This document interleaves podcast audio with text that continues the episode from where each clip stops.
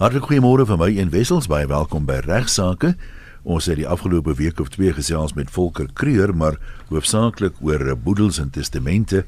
Volker is weer vandag ons gas, maar uh, vandag gesels ons oor kommersiële reg sê jy Ignas. Môre. Ja, goeiemôre luisteraars, goeiemôre Volker. Volker is eh, soos jy weet uh, die afgelope paar weke agtergekom met 'n boedelreg spesialis, maar hy spesialiseer op die gebied van kommersiële reg daar in Rustenburg by Van Velden Duffy, waar hy ook 'n transportbesorger en 'n notaris is. Volker, ons het uh, oor die laaste jaar wat uh, nie baie gepraat oor kommersiële reg nie, so 'n hele klompie vrae wat opgehoop het wat ek so vinnig vir jou gaan uh, deurgee. Hierdie eerste boer sê, sê hy het 'n plaas naby die Parel, hy boer met druiwe. Hy wil aftree en hy besluit om sy plaas te verhuur aan sy buurman. Uh hy sê aanvanklik hy net vir 10 jaar verhuur. Maar sy buurman dring nou daarop aan dat hulle 30 jaar huurkontrak moet sluit om dit vir my moeite werd te maak sodat hy verbeterings kan aanbring en vaste en dinge kan doen wat dit uh, wat dit die moeite werd maak. Nou hy sê om reskoste te bespaar, uh, oorweeg hulle nou om 'n huurkontrak by die CNA te gaan kry. Ja, dis dan altyd vir my verskriklik ja. snaaks. Het die ANC nie uh, huurkontrak? Want uh, want die buurman sê ook vir hom man, dit is so eenvoudig om huurkontrak op te stel. Uh, hoeveel hoekom moet hulle 'n prokureur gebruik? En uh, hy vra wat is wat sê eerstens daaroor? Ja, ek gaan in uh, ons reg is daar wel 'n huurgat verkoopreël wat beteken dat die huurder die huurkontrak ook teen nuwe grondeienaars kan afdwing. Al is die kontrak uh, nie met hulle gesluit nie. In regstel beteken dit dat dit 'n uitsondering is op die reël dat 'n saaklike reg soos eiendomsreg altyd sterker is as 'n persoonlike reg soos die huurder se regte teenoor die verhuurder in gevolge die huurkontrak. So sê die huurgat voorkoopreël gaan nie in hierdie geval geld nie. Nee, ongelukkig nie. Gaan dit in hierdie geval die geval wees nie. Uh, in ons reg moet 'n langtermyn huurkontrak geregistreer word teen die titelakte by die akte kantoor om afdwingbaar te wees teenoor derde partye. So 'n huurkontrak van langer as 10 jaar kwalifiseer as 'n langtermyn huurkontrak.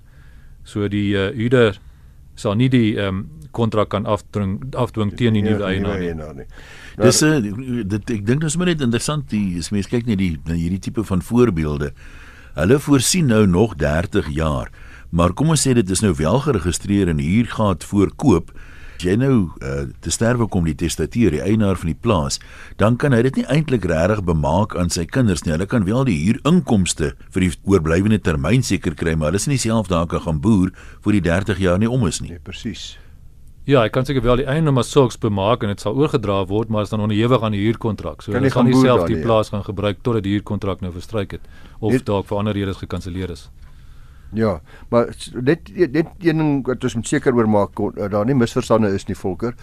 Dit is nie afdwingbaar teenoor derdes nie want dit is nie geregistreer nie en is omdat dit langer as 10 jaar is nie, maar tussen die partye interpart tussen hulle self is dit nog 'n geldige kontrak. Dis reg.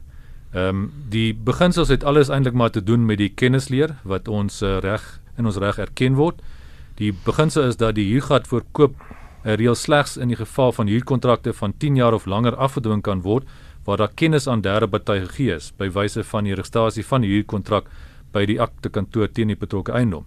Maar tussen die partye interpartes, soos jy gesê het, uh, is dit nie te sprake nie, so daar is dit nog wel afdwingbaar. Nou gestel dat dit geld nie die reël en die eienaar besluit nou na 15 jaar, hy het nou 'n wonderlike aanbod vir die plaas om die plaas te verkoop, kan hy dit dan doen en die wat is die huurder se regte dan sou hy dit doen? As nou 15 jaar oor van die huurtermyn, maar die eienaar sê die plaas is 10 miljoen werd, maar hier's nou 'n ou wat met 20 miljoen aanbied. Ja, weer eens hy sal dit nie kan afdwing teen die nuwe eienaar omdat die reël nou nie geld nie, maar hy gaan natuurlik die verhuurder kan aanspreek op grond van die huurkontrak uh, vir kontrakbreuk want hulle het nog steeds 'n kontrak wat afdwingbaar is. So hy sal wel skade vergoeding kan hy wel hom kan aanvat, ja. Korrek, ja. Dankie. Nog 'n nog 'n scenario van 'n huurkontrak volker uh, wat uh, ons in praktyk teekom. Ons weet almal van die wet onder onderverdeling van landbougrond wat 'n groot benarie en 'n groot probleem skep en groot frustrasie skep vir baie van ons landbouers. Ons het al baie daaroor gepraat op hierdie program. Eh uh, want hierdie wet verbied die onderverdeling van landbougrond sonder die minister van landbou se toestemming. Maar wat gebeur dan by huurkontrakte? Aan die ander woord langer as hier 10 jaar, minder as 10 jaar, wat gebeur daar? Ja, daar moet mense ook onderskei tussen 'n korttermyn huurkontrak wat minder as 10 jaar en 'n langtermyn huurkontrak wat langer is as 10 jaar en uh, waar dit dan 'n langtermyn huurkontrak is, geld dieselfde beginsels as waar mense eiendom wil verkoop 'n gedeelte van landbougrond in die sin dat die minister van landbou ook to toestemming daarvoor moet gee. So daar moet 'n mens ook deur daai proses gaan en oor die algemeen is dit nogal nie so maklik om toestemming te kry vir onderverdeling van landbougrond of vir 'n uh, toestemming om 'n langtermyn huurkontrak te sluit in opstel van 'n gedeelte van landbougrond. Ja, so ek sê ek wil daai onderste hek onder hektaar wat ek by jou koop. Dan sê ek nee, ek kan nie, sorry, minister gaan nie toestem vir onderverdeling nie. Ek weet nou al in hierdie distrik gaan hy nooit toestem nie. Dan sê ek maar kom ons wees slim en ons gaan nou 10 jaar of 20 jaar of 30 jaar huurkontrak aan. Jy sê dit werk nie, minister moet ook toestemming gee. Dis reg. Ek gaan net nou lankal gesien. Ja. ja. Jy gaan maar net vir 9 jaar en 11 maande byvoorbeeld hier kontrak kan aangaan vir daai deel van die landbougrond en dit sal wel uh, afdwingbaar wees. Kom ek gee 'n voorbeeld wat ons nou al in praktyk gehad het, sommer nou die boer Piet noem. Piet het geld nodig na die laaste droogte om weer mielies te plant. Ag, hoeveel mense ken ons nie in in ons land wat in daai situasie sit nie. Uh, hy besit 'n plaas en hier ook een van Koos. So hy het een sy eie plaas waar hy mielies wil plant, hy huur 'n plaas waar hy mielies wil plant, maar hy's agterstallig met sy huurgeld maar hy sê vir Piet ek sou na die oes betaal. Dit is die standaard situasie. Hy het klomp trekkers, hy het plaasimplemente, hy het allerlei goederes, landbanke het hom gehelp met 'n lening, maar hulle wil sekuriteit hê. Hulle sê ja, jy kan geld leen om hierdie medies te plan, maar ek uh, wil 'n verband oor die oor Koos se plaas registreer uh, en ook 'n notariële verband oor die trekkers en die implemente en al die goed van en hierdie verbande word nou geregistreer. Koos kry sy geld en hy plant, gaan aan met sy oes. Soos die duiwel het wil hê as die droogte nie gebreek nie en daar is 'n nou weer 'n mislukking. Koos kan weer nie terugbetaal nie en hy kan ook nie vir Piet se huurgeld gee nie. Want hy beloof het na die oes nie. So hy's al hoe dieper en dieper in die moeilikheid. En luister as hierdie scenario sal baie boere wat luister sal dit goed begryp. Dit is 'n ware werklikheid wat in ons land gebeur as gevolg van aaneenlopende droogtes. Toe dit nie gebeur nie, toe gaan Piet natuurlik prokureur toe want hy wil nou beslag lê met 'n huurinterdik op die trekkers en die implemente Maar onthou daar's 'n notariële verband te gunste van Landbank oor hierdie trekkers en implemente geregistreer. En daar's nou nou nou so en ook hier interdik. Nou wie geniet voorkeur? Notariële verband wat wat die Landbank gehad het of die verhuurder wat nou sê ek het hier interdik op baie trekkers en implemente. Waar hoe werk dit? Ja, ek nou dalk kan ek net eers iets meer sê oor notariële verbande. Die meeste luisteraars weet waarskynlik van verbande oor uh, onroerende goed wat banke feitelik daagliks as sekuriteit registreer. Maar notariële verbande is oor roerende goed. Uh die idee van albei verbande oor onroerende goed en notariële verbande oor roerende goed is uh, om uh sekuriteit te gee. As die skuldenaar nie betaal nie, dan kry die verbandhouer voorkeur ten opsigte van die opbrengs by eksekusieverkoping teenoor al die ander skuldeisers van die skuldenaar. Dis as jy by die veiling verkoop, dan sal uh, al die geld eers na die verbandhouer toe gaan by verbande oor onroerende goed en uh, notariële verbande oor roerende goed sleg iets as iets oorbly dan sal die ander skuldeisers ook iets kry. Goed, maar nou is daar ook 'n voorkeur by die huurinterdik, die verhuurder wat gaan beslag lê op bates op die huurperseel. Ja, eh, elke verhuurder het volgens ons reg outomaties, dit wil sê sonder enige registrasiehandelinge in die akte kantoor of waar ook al, 'n voorkeur ten opsigte van die roerende bates op die huurperseel. In uh, regsterme noem ons dit die verhuurder se hipoteek En nou is die vraag wat ek vra, wie gaan hier wen? Landbank of die verhuurder? Uh Piet sou na my uh, opinie die verhuurder uh, wen. Ehm um, sy voorkeur is vroeër gevestig. So as die trekkers nie plaasimplemente en ekskuuse verkoop word, sal hy eers sy geld kry. Dis uh hoekom dit dan natuurlik belangrik is dat 'n verhuurder afstand doen van sy voorkeur waar 'n notariële verband geregistreer word. Jy sê die tyd van die registrasie van die die tyd wat die huurkontrak ontstaan het is voor die tyd wat die wat die verband geregistreer is, die hele verband geregistreer is. Dis korrek, ja. Nog 'n bietjie vrae oor huurkontrakte. Kan mens by hierdie want mense probeer altyd hierdie wet probeer vermy. Daar's allerlei slim planne wat mense maak.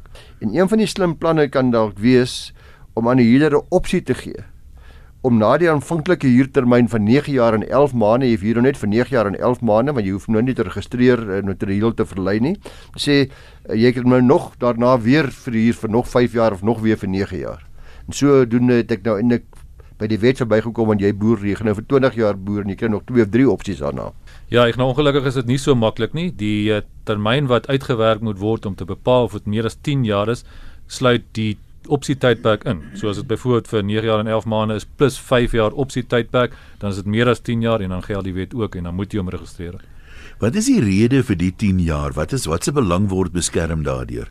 Ja, ek dink dit hou maar verband met die idee dat die staat in beheer wil wees van landbougrond in die sin dat hulle wil seker maak dat dit nie opgedeel word in klein onekonomiese eenhede waar mense nie meer behoorlik kan boer nie. En dieselfde beginsel wat geld waar dit onderverdeel word en verkoop word, is met ander woorde ook van toepassing waar dit nou vir 'n langtermyn huurkontrak is. Met ander woorde 10 jaar of langer sê hulle dan basies kom ook neer eintlik maar op 'n onderverdeling, want dit is so langtermyn dat jy dan eintlik besig is om landbougrond op te sny. 'n Gewone klousule in 'n huurkontrak volker is dat daar daarom elke jaar so 'n bietjie van 'n verhoging is. Natuurlik wil Gert elke jaar daarom huurgeld verhoog om daarom vir inflasievoorsiening te maak.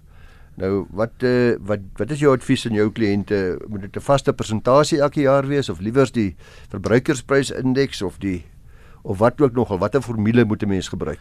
Wat billik is. Ja, gewoonlik werk die ouens maar met 'n vaste persentasie, maar die ander opsie is om dit te koppel aan die verbruikersprysindeks wat natuurlik 'n baie goeie aanduiding is van die prys van geld, van uh, inflasie.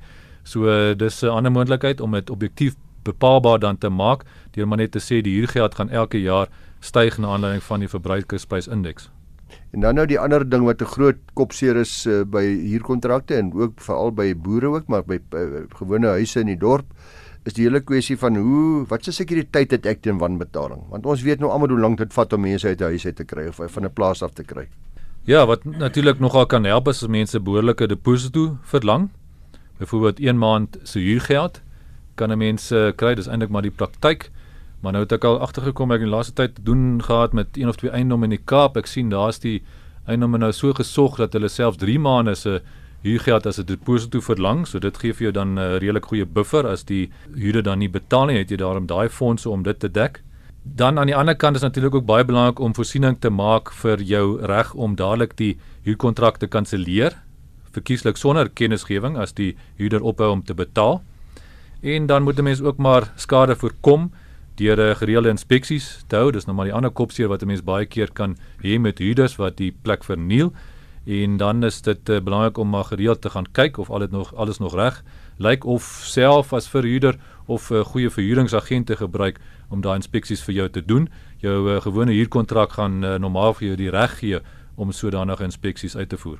Volker ek nou nog vir jou in die eerste gedeelte heelwat scenario's gegee oor 'n huurkontrak by 'n plaas uh, van Gert se plaas. Nou kom Pieter hy nader vir Gert en hy sê vir hom uh, jong ek wil 'n deel van jou plaas hier in Noord-Kaap hier maar ek wil perskebome plant. Hy dink daar's baie potensiaal nou vir perskebome maar Gert is baie huiwerig. Hy wil nie noodwendig perskebome daar op sy plaas hê. Dink ook nie dit gaan werk nie. Maar Piet uh, ooreed hom. Hy sê man jy ek sê jou wys en jy kan 'n deel van die opbrengs kry uh, van die oes as huurgeld is dit moet is dit 'n normale huurkontrak? Kan dit so opgestel word? Ja, mens kan dit so doen. Die ehm um, verhuurder gaan dus ook die voordeel van 'n goeie opbrengs hê, maar ook natuurlik die risiko van 'n slegte een. Uh, wat natuurlik nogal belangrik is, is dat 'n mens dan die bewoording behoorlik kies om te sorg dat daar geen misverstande is nie oor byvoorbeeld wat netto opbrengs uh, beteken as dit nou koppel aan netto opbrengs of bruto opbrengs as dit koppel aan bruto opbrengs. Gewoonlik werk ons eerder met die bruto opbrengs en nie die netto opbrengs nie want die eersgenoemde syfer kan maar bietjie gemanipuleer word. En uh, dan werk mense gewoonlik met 'n laer persentasie op die bruto opbrengs in plaas van 'n hoër persentasie op die netto opbrengs. 'n ja. Ander opsie is natuurlik om dit ook te kombineer. Maar die om, beter opsie is nê nee. om dalk 'n vaste huurgeld te sit sodat die vuurder dan ten minste seker is van daai inkomste plus dan dalk 'n persentasie van die opbrengs om te uh, sorg dat hy dan ook deel in uh, daardie uh, sukses van 'n oes. Veral in ons kliënt Gert se geval hier wat eintlik voor sy heilige siel weet perskes gaan nie werk in die Noord-Kaap nie. Uh, weet dan moet hy hy wil nie saam die risiko loop nie. Dis korrek ja. Nou Gert vier al vir 5 jaar lank 'n huis in Lichtenburg. Hierdeur betaal elke maand gereeld sy huurgeld, maar later kry hy 'n klagte dat sy buurman is besig om 'n bordeel daar te bedryf. Kan Gert iets aan doen? Want hy sê hy sit op die plaas, maar hy hoor nou net sy huis by die dorp is is besig om 'n bordeel te word. Ja, ek sou sê dit hang af van die bepalinge van die huurkontrak. Normaalweg is daar in 'n huurkontrak 'n klousule wat sê dat die huurder die perseel slegs vir 'n sekere doel mag aanwend en as hy dit vir iets anders wil gebruik, dan moet hy die skriftelike toestemming van die verhuurder kry om dit vir iets anders te gebruik. Nog 'n klousule wat nogal belangrik is, dink ek is hierdie geval van ek verhuur my huis in die dorp, vir huur maak nie saak waar dit is nie, ek verhuur 'n eiendom en uh ek kry my huurgeld baie gereeld in, maar ek kom agter dat my netto opbrengs raak al hoe minder. Want die munisipale belasting styg dramaties soos ons almal weet. Anderswoorde my eiendomsbelasting het dramaties opgegaan en skielik hou dit nie meer tred met my normale verhoging in huurgeld nie. Wat is jou antwoord? Ja, ek gaan normaalweg betaal die verhuurder as eienaar die munisipale belasting en is dit dus ingesluit in die huurgeld. So wat 'n mens daar kan doen is om dalk maar 'n klousule in die uh, huurkontrak in te voeg waar volgens die huurgeld dan ook styg soos wat die munisipale belasting dalk styg om seker te maak dat die netto opbrengs van die verhuurder nog steeds dieselfde is en om hom daai opsig te beskerm. Veral waar dit 'n langtermyn huurkontrak is, kan dit uh, nogal 'n uh, verskil maak. Dikwels is die munisipale belasting in jaar 1 baie minder as wat dit is byvoorbeeld in jaar 8. So dit is 'n uh, klousule wat uh, dink ek nogal baie voordelig is vir 'n verhuurder om in te sluit in 'n huurkontrak. Nog soortgelyk hierso, ons dan ek weet nie wie onthou nie, ja, baie luisteraars sal onthou, daar was 'n tyd en dis nie soveel dekades terug nie wat uh, hier geld wat rente op verbande gestyg het tot diep in die 20%. Ja bedoel jy neem 'n verband uit van 10% en die volgende oomblik is jou verbandspaaiement uh, se rente 20%. Terwyl jy uh, verhuur vir X rand per maand met 'n gewone vaste persentasie stygings. Wat kan mens doen om om, om iemand hierteen te beskerm volker?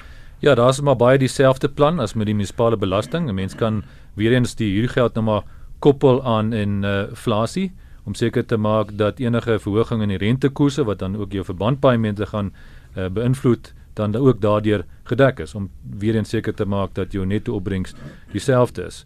Sommige so, mense gaan ook nog 'n stap verder en uh, verwys ook na versekeringspremies. So as jou versekeringspremies styg, dan uh, sê sommige huurkontrakte ook dat jy daai aspek ook kan verhaal van die huurder weer eens om seker te maak dat die netto opbrengs dieselfde bly. Soms sien mense dit te perseel huise wat ook al geadverteer word te huur teen 'n baie eienaardige bedrag. Jy weet, dis dikwels normaalweg sou sê 10000 wat ek kom en nou sit sien net maar 10941 rand en as jy nou kyk dan sien jy sien maar dit is presies die verbandbedrag. So die ou wil sy huur wil hê sy sy sy verband dek.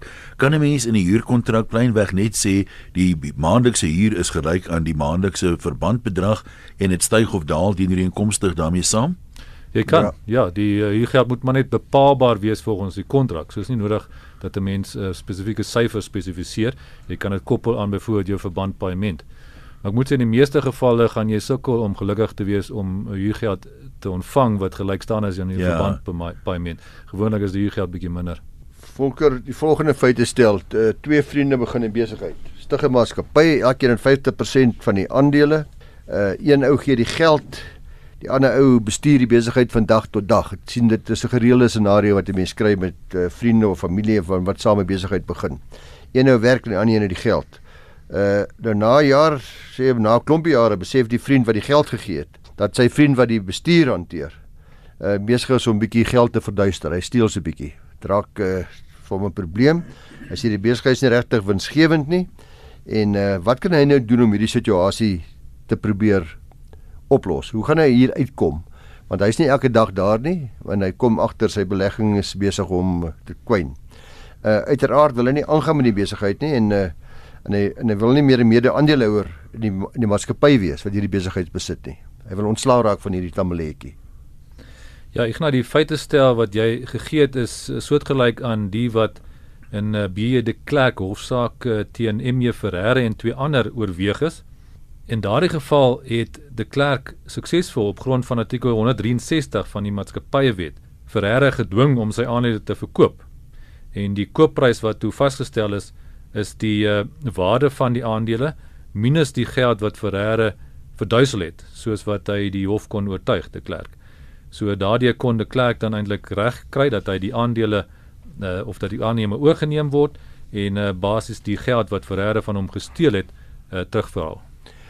Nog 'n ander groot tamaletjie wat ek sien elke nou en dan is daar maar weer 'n nuwe hofsaak wat sy kop uitsteek en in die media lees ons weer daarvan. En dit gaan maar oor kyk mooi voordat jy eiendom met 'n uitsig koop. Is ek geregtig op die uitsig? Uh, wat is die reëls? En ek dink of jy weet van die onlangse saak Gerstel en en ander die in in Kaapstad. Lede dit net vinnig met ons luisteraars deel nie.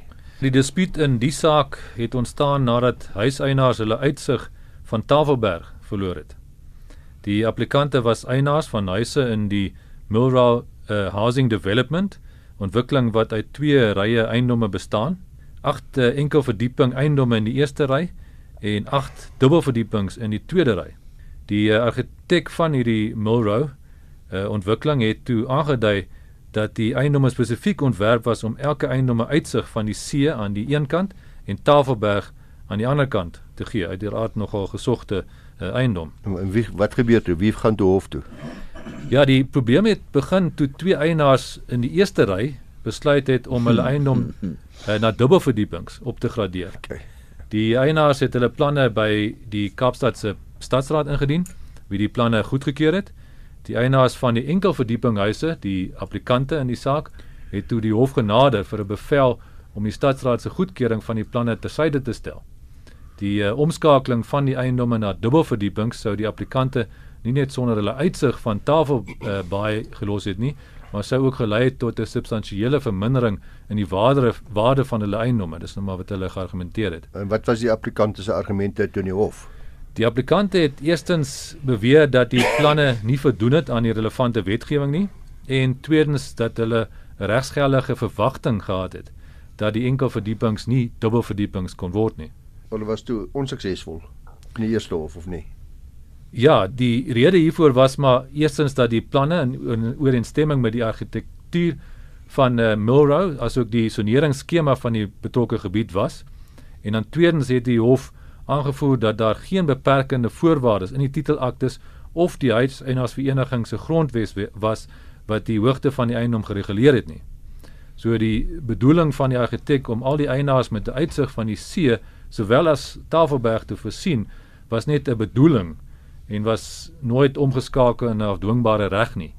Die hof was uh, ook nie tevrede met die applikante ehm, 'n um, substantiëre regsgeldige verwagting gehad het dat die huise nooit dubbelverdieping sou word nie. En die appel oor dit ook bevestig. Saamgestem. So Ja. so wat is die les wat ons hieruit kan leer volker? Ja, potensiële kopers moet dus maar behoorlik hulle huiswerk doen en agslaan op die volgende wanneer hulle eiendom wil koop waarvan die uh, genot, gebruik en waarde verband hou met die uitsig of ander aspekte van die omliggende omgewing. Eerstens die bestaan van afdwingbare regte in plaas van goeie bedoelings. Die argitek se bedoeling kon verander word in afdwingbare regte uh, in hierdie geval. In die hofsaak se geval deur dit in die titelakte se voorwaardes of servitute te registreer of selfs in die grondwet van die huiseienaarsvereniging, maar dit het nou nie gebeur nie. Tweedens uh, regulering van hoogtebeperkings van eiendom in die gebied waarna hulle wil koop. Nou hierdie regulasies word word vervat in die soneringsskema van die betrokke gebied en is dit uh, belangrik om dit dan ook te bestudeer voordat jy nou koop. En dan net maar die derde punt is rekord van alle navorsing gedoen in verband met die uitsig en die langtermyn behoud daarvan. Dit kan later dan as bewyse dien dat jy werklik 'n verwagting gehad het en dat ander eienaars nie jou uitsig kan toebou of op enige manier kan verwyder of belemmer nie. Luisteraars, julle sal weet in elke dorp in ons land, waarskynlik in die wêreld ook, maar veral in Suid-Afrika is dit so dat uh, daar is gereeld litigasie oor die sogenaamde voetstootsklausule. Met ander woorde, ek koop 'n huis en ek het 'n rukkie ingetrek, dan kom ek agter die nuut oorgeverfde mure net sulke dik krake toegemaak op met die eerste reën stort dit uh, op my kop en op my bed. Eh, Want die meeste kontrakte bevat 'n voetstootsklausule volkers soos jy weet wat bepaal dat die verkoper nie aanspreeklik is vir enige latente defekte. Latente defekte, ander woorde daarvoor is verborgde gebreke nie. Nie daarvoor aanspreeklik nie. Nou uh, beteken dit dis volker dat 'n verkoper in Suid-Afrika nie meer gedagvaar kan word vir sulke verborgde gebreke nie. Al was hy bewus daarvan nie. Anderswoorde hy weet van die gebreke, maar hy sit daar hy, hy kom uit die ding uit deur voetstootsklausule in sy kontrak op aan te dring. Ek gaan dit is een van die uitsonderings indien die koper kan bewys dat die verkoper van die defekte bewus was en dit ook bedrieglik weggesteek het, sal hy wel kan eis. Al is daar 'n voetstootsklausule. So as die defek 'n dak is byvoorbeeld wat lek en die verkoper het byvoorbeeld vir 5 jaar in die huis gebly, behoort die koper eintlik normaalweg te kan bewys dat die verkoper geweet het van die lekkende dak en dan gaan die voetstootsklausule nie help nie. Ons gaan nie tyd hê dink ek vir nog 'n vraag nie. Volker kom volgende week weer kuier. Intussen wil jy vir ons kontak besonderhede gee asseblief? Ja, my e-posadres is volker@ffd.co.za. Die volker is V O L K E R. Dan sê volgende week gesels ons weer.